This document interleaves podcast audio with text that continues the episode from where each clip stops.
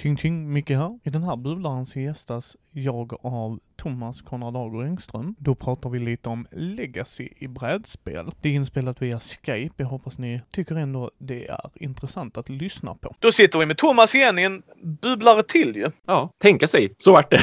Ja, så vart det ja. Och som vi hintade åt den första bubblaren du var med i så ska vi prata lite om legacy-spel. Mm. Eftersom det är så mycket på tapeten. Mm. Men vi kan väl köra en liten kort synopsis. Legacy-spel är ju där du förändrar spelbrädet. Ja. Alltså, Framför allt. Ja. Ja, och eh, som vi pratade lite, är Exit det eller inte? Men vi kan ju djupdyka Mm. i det. Eh, hur många Legacy-spel har du spelat? Ja, nej men eh, det, det är nog under tio stycken, det är det absolut. Ja, det finns så många Legacy-spel som jag skulle vilja spela, men det är just det här med att Legacy tar ju sån himla stor tid också. Och som jag sa när jag gick ner i tid med just Konrad Dag och recensera kanalen, den, en stor anledning till varför jag har gjort det, det är ju för att när det kommer till Legacy-spel så det om något sätter ju lite käppar i hjulen när jag då försöker producera mina videorecensioner med jämna mellanrum och ska försöka spela nya spel med jämna mellanrum och så har jag Legacy-spel eller kampanjspel överlag som jag väldigt gärna vill sätta mig ner och spela och så kommer det liksom i vägen att jag måste göra det här och det här och det här. Så det, det är ju så med, med Legacy-spel. Man ska ju lyckas träffa samma spelgrupp därför att det är oftast viktigt att göra på det viset. Ibland inte. Gloomhaven till exempel spelar jag framförallt solo, men jag bjuder in folk ibland och spelar eller jag, jag spelar med andra personer som också har Gloomhaven. Men till exempel Time Stories då, där sitter jag ju med en specifik spelgrupp. Det är bara vi som spelar och ibland kan det gå tre månader innan vi får spela Time Stories igen därför att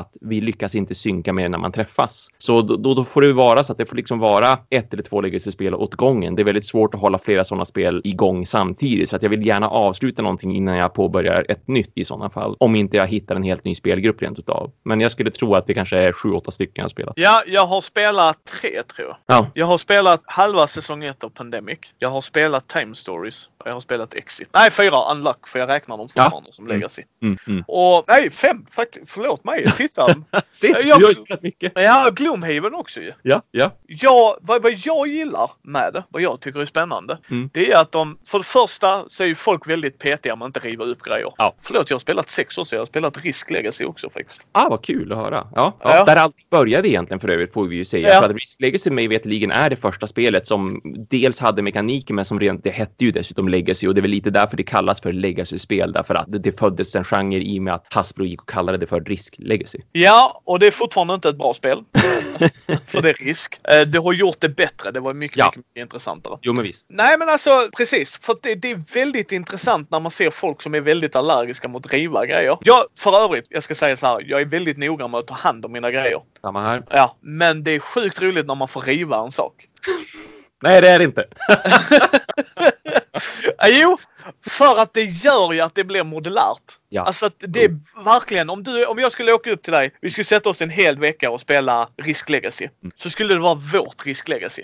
Mm. Och det är det jag tycker som gör så väldigt intressant. Minnen Mm. när man skapar. Mm. Samma grej med när man spelar Time Stories. Vi ska, vi ska inte spoila grejer här så ni ska inte vara Nej, nej, men visst. Absolut. Mm. Eh, Vi ska bara prata om själva fenomenet. Mm. När man spelat ett uppdrag, visst du river inte grejerna av det. Men du kommer komma ihåg när du sätter dig ner. Gör inte det eller gör så, bom, bom, bom, bom. Mm. Mm. För det blir bara naturligt. Alltså det blir ju att du metaspelar som vi pratar om i rollspel. Liksom, när du använder information du inte bör ha. Mm. Absolut. Medan Time Story tycker jag gör det bra just för att alla äventyr ska man säga är olika som jag har förstått det som. Jag har bara spelat Ja. två men jag har resten. Jag ska spela igenom dem en dag. Så de kommer jag inte sälja av den anledningen för jag tycker det är väldigt, väldigt intressant. Jag till och med att de har kommit där, det är en ny säsong med det ju. Ja, ja, men visst. Mm. Mm. De blåa boxarna ska det väl kallas. Ja, jag precis. Ja. Jag saknar den sista vita samlingen bara. Men liksom alltså just att du modellerar det, att det blir ditt spel eller att man gör en upplevelse du inte kan spela om Mm. på samma sätt. Omspelarvärdet är inte där på samma sätt. Förstår du vad jag menar? Ja, ja, men Och, visst. och vissa av de här legacy-spelen, Pandemic, Gloomhaven, Mm. Mm. kan du sitta i timmar. Vad är det någon sa? Att han var uppe i 300 timmar. Ja, ja, ja visst. Man, man får ju räkna med så här mellan 100 till 150 utan problem om man ska spela igenom Gloomhaven. Och där faller håller det för många jag som du sa. Man vill spela med rätt grupp, samma grupp, annars Mm. blir det bara konstigt. Men jag gillar det. Jag tycker det är väldigt mycket du kan göra. Jag har Seafall som jag ska spela med en polare. Jag har tittat på Charterstone. Det är väl Jamie Stegmaier som hade gjort den va? Ja, det är det. Ja, det är det. Och det är därför jag vill ta en titt på det också. Han är en väldigt intressant individ. Jag, jag tycker framförallt att det är en intressant blandning också, för där har vi ju worker placement, alltså arbetarplacering. Och att göra ett legacy-spel som är på det viset, det tycker jag är en fantastisk idé. Ja, precis. Så den, eh, den måste jag ta en titt på Mm. Faktiskt. Uh, så nej, men jag gillar Legacy. Jag tycker, jag tycker det får oförtjänt mycket skit av vissa individer som Absolut. inte förstår. Mm. Ja, men jag kan ju bara spela det 12 gånger. ja, jo. Alltså på riktigt, återigen nu, som jag brukar säga till rätt mycket folk också när, när jag pratar med när jag pratar med folk som bara är i, i hobbyn eller med kunder då i och med jobbet. Hur många av spelen som du har där hemma kan du peka på och säga det här har jag spelat 12 gånger? För jag har jäkligt många spel i min spelsamling som jag inte har spelat 12 gånger. Som jag skulle jättegärna vilja spela 12 gånger, men det händer inte helt enkelt. Ja, men precis. Jag har Terraforming Mars. Det är nog uppe i 40 gånger nu. Mm, mm. Eh, det är ju mitt favoritspel av den anledningen. Ja, För visst, att det har ja. kommit till bordet så mycket. Sen Orleans. Mm, liksom av den anledningen. Men det är liksom som du säger. Jag har 300 spel nu ungefär. Jag säljer av och avyttrar och sådär. 300 brädspel. Hur många av dem har jag spelat 12 gånger? Ja. ja inte ens 10 vill jag påstå. Nej, Nej. det blir väldigt lätt så. Alltså, det, spelar ingen roll. Spelen är absolut bra, det är absolut roligt och så vidare. Men, men det finns ju fler spel. Det är ju inte brist på spel, det är brist på tid. Att lyckas få ett spel 12 gånger till bordet, det är faktiskt väldigt bra jobbat i sådana fall skulle jag säga. Ja men precis. Ja, för jag förstår inte den grejen. Varför är man så anti det? Mm, mm. Du, har ju, du sa ju det, Betrayal Legacy. Det har jag inte Ja, spelat. mm. Men jag vill spela det. Mm. Jo, det är fantastiskt kan jag säga. Jag har spelat sex eller om det är sju stycken av äventyren, vilket ju också innebär att jag fortfarande är på just Legacy-delen. För Betrayal Legacy är ju då de 13 första kapitlen, eller de 13 första spelomgångarna. De är Legacy. Då bygger man upp herrgården, man bygger upp varje familjemedlem som har de här karaktärerna man spelar kontinuerligt under spelets gång. Och sen när du har spelat de kapitlerna, då har du skapat ditt eget Betrayal at House on the Hill som ju Betrayal Legacy härstammar ifrån så att säga. Det är ju ett Betrayal at House on the Hill-spel med 50 nya scenarion. Men de 13 första scenarion är, de är liksom inom citationstecken skriptade. Alla spelare kommer att gå igenom de 13 scenarierna först och främst. Sen har du ytterligare 37 scenarion som då bara är precis som vilket Betrayal-spel som helst. Så att när ni är färdiga med spelet, då har ni 37 helt nya som ni aldrig har sett plus de 13 som ni redan har sett, men som blir lite, lite förändrade för att de ska ändå kännas som lite nya på något vis. Att de, de har liksom en twist till sig när ni spelar dem första gången därför att ni håller på och bygger upp ert eget Betrayal-spel. Det gör du ju intressant. Och för folk som inte vet vad Betrayal är, är ett uh, storydrivet spel faktiskt. Eh, som Mm. kom från Avalon Hill från början. Ja, visst. Mm, Eh, Och mm. nu är det WizKids som är Avalon Hill ändå nu. Ja, jo, precis. De har väl fortfarande loggan på sig och alltihopa, men. Men precis. Eh, och de gjorde Betrayal at Baldur's Gate. Ja, den visst. har jag. Ja, ja. Den har jag. Mm. Jag hade Betrayal at the House on the Haunted Hill eller vad den hette. Mm. Andra utgåvan. Den hade jag. Det var en av de första när jag väl djupdyk, djupdök i hobbyn igen. Ja, men samma här också. En av de första samarbetsspelen jag spelar, ja, semi-co-op är ju då i och med att det blir någon som blir den här förrädarrollen. Men fortfarande ett av de första äventyrliga spelen, en av de första samarbetsaktiga spelen som jag spelade och något som jag spelade ganska tidigt när jag verkligen kom tillbaka in i hobbyn tillsammans med de personerna som jag liksom kom tillbaka till hobbyn med, som jag började utforska spelen med. Ja men precis. Så att, men den har jag hört väldigt mycket om. Sen har du ju Pandemic. Då är det ju Pandemic med Twist. Säsong 1 och 2. Vad jag förstod det så hade du inte behövt spela säsong 1 för att Nej. spela säsong 2. Nej, precis. Men det skadar inte Nej, att ha nej, spelat precis. säsong 1. Mm. Seafall är ett Eurogame, tungt Eurogame som jag har förstått det som. Ja, mer än så har jag faktiskt inte vetat Ja, om. att, någonting med typ ut och upptäcka världen till båt. Det är väl så mycket jag har koll på också, att din båt utvecklas med tiden, din besättning utvecklas med tiden, ditt manskap liksom, att du får mer manskap och mindre manskap, att man håller på med då en spelplan och klistrar på lappar för att visa på att här upptäckte vi en ö och här upptäckte vi en ö och så vidare. Och så handel, att man har handel och i pirater och så vidare. ja, och jag, ja, ja, jag ser fram emot det. Jag, som, som jag sa innan där, det ska jag spela med min polare Fredde. Det ska vara typ det när vi, ett sånt spel han och jag spelar igenom. Mm. Tyvärr så spelar vi mycket andra spel. Eh, Ja, som jag sa, det finns inte brist Yes. på spel, det finns brist Nej. på tid. Precis. Ja, nej men jag, jag tycker det tillför. Jag tycker sånt här är jättebra. Jag tycker sånt här tillför väldigt mycket till hobbyn. Mm. Jag tycker all heder till någon som är innovativ. För när Legacy kom var det Risk Legacy. Ja. Men man ska komma ihåg det här. Risk Legacy var ute ett tag innan Pandemic Ja. Legacy Kom. Oh ja, oh ja. Och det riktigt tog fyr. Precis. Sen kickade det ju igång med Pandemic för då blev det helt plötsligt, jag tror det var lite så här legitim grej. Nu killgissar jag gott folk. Det här är mina synpunkter. Men det kändes mer när Pandemic kom. Då bara okej, okay, vi kan också göra något. Ja, ja. För du har någon riktigt gjort något. Innan var Ja, det ja. risk ju. Nej men precis, Nej, men för att risk är ju fortfarande risk. I, I stora drag så är ju verkligen risk också risk. Alltså står det risk på en kartong då vet man vad man får. Sen kan ju det vara helt fel också. Typ risk Star Wars borde inte få heta risk Star Wars. Det borde få heta Star Wars The Strategic Game eller vad som helst. För det har noll och inget med risk att göra. Det finns inte en regel där i som Nej. är som risk. Förutom att du slår tärningar, that's it. Allt annat är utbytt. Ehm, men som risk legacy då så tror ju såklart folk framför allt att det är bara risk, det heter legacy, det är någonting coolt med det. Så att många blundar ju bara och tycker att det här, det här avvisar vi som ett vanligt riskspel. Men Pandemic är Pandemic och det spelar ingen roll om det då är Pandemic legacy eller om det är eh, Pandemic med, med Cthulhu-tema eller om det är Pandemic med något annat tema. Det är fortfarande ett jättestort och känt namn och framför allt ett stort och känt bra namn, inte ökänt som riskar. Nej men precis. Och, det, och där tror jag det kickade igång ordentligt. ja. Eh, sen så blir det ju som alltid när folk tror att grejer går i trender. Eh, det är ju vad man ser. Man uppfattar ju grejer när man ser en sak. Så blir det ju. Uh, alltså förstår du vad jag menar? Om du tänker på att nu ska jag införskaffa till exempel köpa en ny bil. Mm. Eh, Mm. Och du bara, jag tittar på ett annat märke. Helt plötsligt upptäcker du det märket mer ju. För att det är det du tänker på. Samma sak är Mm. det ju när, när, när, när vissa legacy kommer. Ah, nu kommer det bara legacy. Bara, nej det gör det ju inte. Nej, verkligen. Vad är det? Vad vad har BGG? 20 000 spel på sin lista. Ja, men exakt. Det kommer Du har- typ 3000 om året.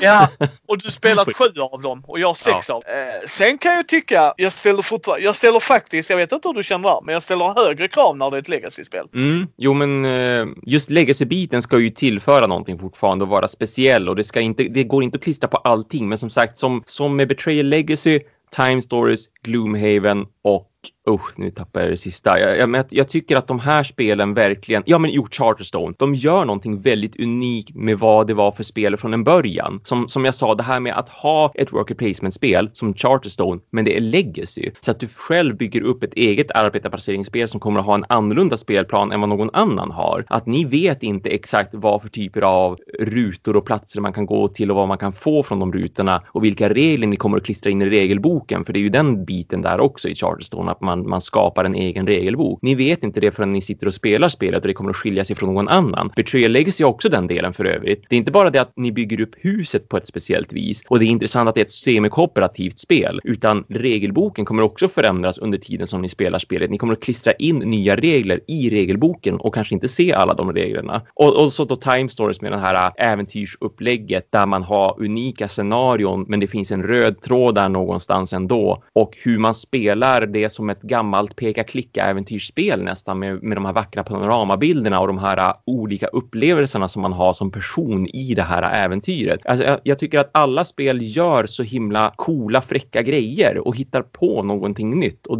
då blir jag sugen på att spela ett legacy-spel när det är på det viset. Så även Gloomhaven. Precis, och det är där jag menar, det är där man ska, det är där jag ställer ett högre krav. Att kommer de ut med samma, Ja. då blir det så här, jaha, det här har jag redan provat ju. Mm, mm. Eh, jag vet att Time Story som jag har förstått det som, hur många äventyr har du spelat igenom där Thomas? Eh, nu ska vi se, en, två, tre, fyra, fem, sex, sju stycken. Tillför, är alla sju, tycker du att alla sju är likadana? Att de har någorlunda likadan mekanism köper jag, men tillför Mm. varje ny en ny grej. Ja, det gör de verkligen. Jag har alltid öppnat ett nytt Time Stories och blivit wow. Och nu är vi på vårt åttonde, jag och min spelgrupp. Och direkt vi öppnade lådan så bara what? Ja. Och så ser man direkt någonting som man inte har sett tidigare. Precis, och det är det jag menar. Det ska tillföra något nytt. Det ska komma med en bang liksom. Tjong, nu har vi en Mm. ny sak. Det ska det göra och det gör det intressant. Det Mm. gör det bra. Mm. Sen ska vi också prata om en grej här som jag tycker är viktigt. Vissa av Legacy-spelen kostar ju runt 500-600 spänn. Ja. Det är ju vad brädspel idag kostar för ett större brädspel. absolut. Mm. Men Gloomhaven kostar ju 1200. Mm. Mm. Uh, Medan då tycker jag man ska, och där säger jag till folk, Gloomhaven är ett fantastiskt bra spel. Om du sätter dig ner de du sa 100-150 timmarna. Mm. Mm. Då är de 1200 värt det. Det är inget snack om det. Jag menar vad fasiken, jag har spelat 700 timmar i Civ 5. Precis. Ja. Det kostar mig 600 spänn. Jag tror Ja. jag får tillbaks mina Eller pengar. hur? Eller hur? Och det är det jag menar. Men hade jag köpt det för 600 spänn och spelat en timme, nej då är det inte värt pengarna. Mm. Det tycker jag inte. Men det är precis som Tom Wassel och de säger, jag tycker de gör en bra poäng. Om frugan och jag ska gå ut på bio så är det 300 spänn. Mm. Minst. Mm. 300 spänn. Då har vi gått och sett en vanlig film. Nu, nu kostar det ju mer om du ska se den i 3D. Mm. Om du ska se den på IMAX ska vi inte ens tala om. Här nere har vi iSense. Men det kostar ju mer. Då är vi helt plötsligt uppe i 350. Mm. Ja, vi har sett filmen. Ja, absolut. Men vi, vi köper ju snacks till. Vi är ju uppe i de 500 spänn. Parkeringsavgift, alla de grejerna. Mm. Och det är det jag tycker blir väldigt intressant när folk säger ja men ett brädspel ska du spela om och om och om igen. Jo men då är ju inte legacy för dig. Men där finns inte 3000 legacy-spel i heller. Och skulle det finnas 3000 legacy-spel så har du 28 000 andra spel du inte Ja. behöver spela. Alltså, Ja, ja. Där är att välja på. Jag förstår Mm. inte den anti-grejen. Nej, nej. Och, Inte jag och, heller. och det förstår jag inte i någon av våra subkategorier överhuvudtaget. Om du inte gillar talismaner, det kommer 17 talismaner. Låt det komma 17 olika talismaner. Spela inte grejen. Mm, mm. Alltså, du kan Mm. aktivt välja att inte spela. Precis. det är okej. Ja, ja. Men, men just det med anti-legacy. Jag tycker det tillför en grej till hobbyn. Det är inte för alla. Det är det inte. Och man ska vara medveten om det när man går in i det. Det tycker jag. Mm. Det är jätteviktigt. Men jag tycker det är värt pengarna. Mm, samma Jag här. tycker Ja. för, för att du blir uppmanad att spela flera gånger. Mm, mm. Och, sen, och då får man ju välja. Spelar man, där är ju folk som jag vet som spelar sina spel jättemycket och jättelänge. Mm. Men de har tio spel i sin samling. Ja, Ja. men det är okej. Det är helt Ja. okej. Men då kanske inte Legacy är för dig. Mm. Och då förstår jag inte varför man hatar på en grej. Det är nog det jag stör mig på. Hatet. Ja, ja, men absolut. Liksom, spela inte det så. Problemet löst. Ja, Mm. men jag vill uppleva det. Så låt någon annan köpa det och du får prova det. Mm, mm. Ja, men absolut. Ja, precis. Ja, men för att det är framförallt det som Legacy är för mig också. Det är en upplevelse på alla sätt och vis och på väldigt olika vis då i de här spelen som jag nu har, har nämnt också. Liksom Betrayal Legacy och Time Stories och Gloomhaven. Alla är gigantiska upplevelser för mig på väldigt olika vis och de har varit väldigt häftiga och det är därför jag också tycker att de är värt pengarna. Precis som du gör jämförelse med bio. Jag brukar alltid säga det till, till folk när jag då ska berätta om Time Stories, för det är väldigt många som kommer till eh, World of Wargames och frågar om Time Stories såklart, för det är ju väldigt populärt. Många spelar det, plus att det har den här fantastiska omslaget. Det är väldigt stilistiskt. Det drar blickar till sig. Varför är det här spelet helt vitt och så är det typ en liten kapsel bara och man knappt ser namnet på spelet? Vad är det här för någonting? Så att folk blir intresserade och nyfikna och då berättar jag liksom vad det är för någonting och jag börjar med att berätta om spelmekaniken och att det är ett äventyr och så vidare och så sen säger jag, men det är också ett spel där man bara spelar det en gång inom citationstecken för du spelar ett par omgångar mellan två till fyra. Sen är spelet slut. Ni kan inte spela det igen och det är därför att ni har upplevt någonting, precis som att ni går på bio och upplever någonting eller läser en bok och upplever någonting. Och när ni har sett början och sett mitten och sett slutet, då vet ni hur början och mitten och slutet är. Det är ingenting som kommer att förändras där. Några små detaljer kanske, men i och med att ni har sett en film så har ni sett en film, ni vet hur den slutar. Det är samma sak med spelet, alltså finns det ingen poäng med att, att, spela det spelet igen inom en väldigt kort framtid åtminstone. Kanske längre fram på sikt, kanske med en annan spelgrupp eller någonting. Men jämför det då med att gå och se på bio, säger jag till de personerna. Här betalar ni 400 kronor för ett spel. Ni bör vara fyra personer som spelar det. Ni kan lägga 100 kronor vardera. Ni har gått och sett en film som är interaktiv, som har hållit er underhållna i 3 till 6 speltimmar och jag lovar att det är en fantastiskt unik upplevelse.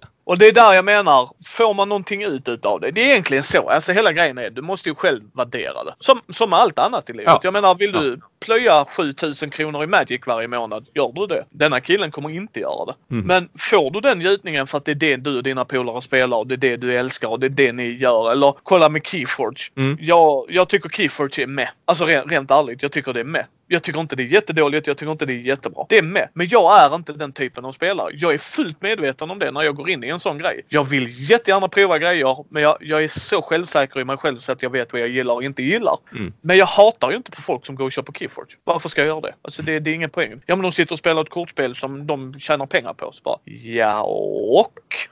Mm.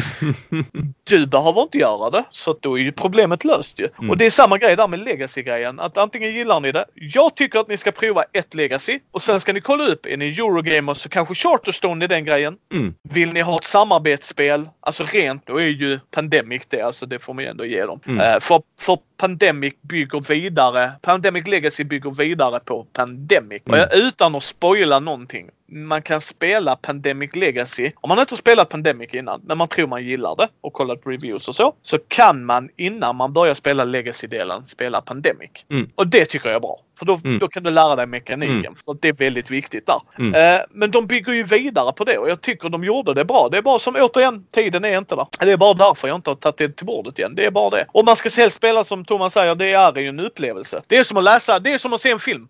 Eller en tv-serie, ännu bättre. Ja, ungefär som, faktiskt. ja, Thomas jag ser första avsnittet, så går Thomas för andra, sen kommer han tillbaka till tredje, vad hände? Mm. Jag har missat en grej, så bara ja detta och detta, detta hände. Ah, Mm. okej. Mm. Ja, Thomas kan ju vara med och spela i tredje också, men synopsisen försvinner ju. Han har ju inte varit med och upplevt det. Han har ju inte varit och sett det med mig. Alltså sådär. Så det håller jag med om. Jag tycker det är, tycker det är synd. Jag tycker det borde komma mer Legacy-spel.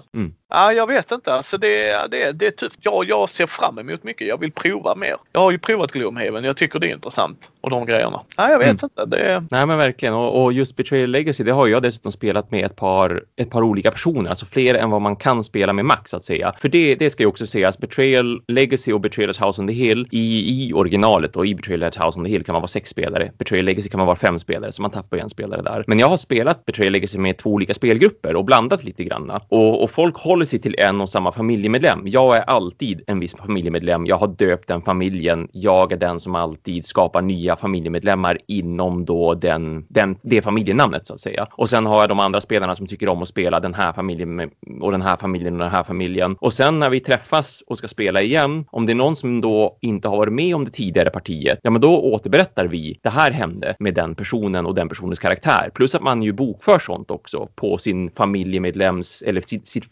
familjenamns egen bricka som man har. Så får man ju skriva eh, den här spelomgången så hette min person så här. Var personen förrädare ja eller nej? Dog personen ja eller nej? Vad hände? En kort summering. Och sånt tycker jag bara gör det mer intressant då, därför att vi är olika individer, vi är olika personer, vi upplever liksom vår familj på olika vis. Och ibland så får man vara med om vad som händer och ibland får man det återberättat. Och det har funkat jättebra faktiskt. Alla har tyckt att det har varit väldigt roligt, även om man inte har varit med just där och då. Och jag tyckte det var en bra summering. Ska vi avrunda här eller är det något mer Mm. du vill tillägga Thomas? Nej, men jag, jag, jag, jag håller med dig också det du sa nyss så här att se till att prova ett legacy-spel. Jag, jag tycker verkligen att det är en sån oerhörd upplevelse. Det är väldigt synd om man bara ska rata det rakt upp och ner därför att du kan bara spela det inom citationstecken en gång. För det gör man väldigt sällan. Man spelar det ju flera partier, man spelar det flera spelomgångar rent utav och det är en sån oerhörd upplevelse. Men som sagt, var noga med vad du väljer för legacy-spel då, därför att ta inte Charterstone om du inte tycker om arbetarplacering och du tycker om euro liksom. Ta inte Gloomhaven om du inte gillar fantasy och du gillar den typen av fantasy där du har väldigt mycket deckbuilding och väldigt mycket planerande. Och, och liksom ta inte Betrayal Legacy om du inte gillar den här förrädarmekaniken som kommer att uppstå, där det är ganska dålig balans skall sägas ändå, vad jag har upplevt än så länge mellan den som blir förrädare och den som då ska samarbeta. Att oftast är det liksom förrädaren har 90% chans att vinna eller så har de andra 90% chans att vinna, för det är inte jättebra balanserat vad man får för krafter och vad man har för mål och sådär. Men liksom välj bara ett spel som passar dig, få upplevelsen, testa det, för det kan verkligen vara värt det. Du kan ju verkligen upptäcka någonting som är helt fantastiskt. Ja, precis. Och jag tycker det är väldigt bra avrundat. Då får vi tacka ännu en gång Thomas för att du var med här. Ja, tack igen för inbjudan. Det är jättekul att få återkomma. Tack för att ni har lyssnat på Mindys bräd och rollspelspodd. Ni hittar oss på mindy.nu eller på vår Facebook-sida The bräd och rollspelspodd. Vi finns även på Youtube där vi kommer så småningom lägga ut lite mer och mer videos och dylikt. Ni hittar oss också på Instagram och Twitter på Mindy podd. Tack för att ni har lyssnat.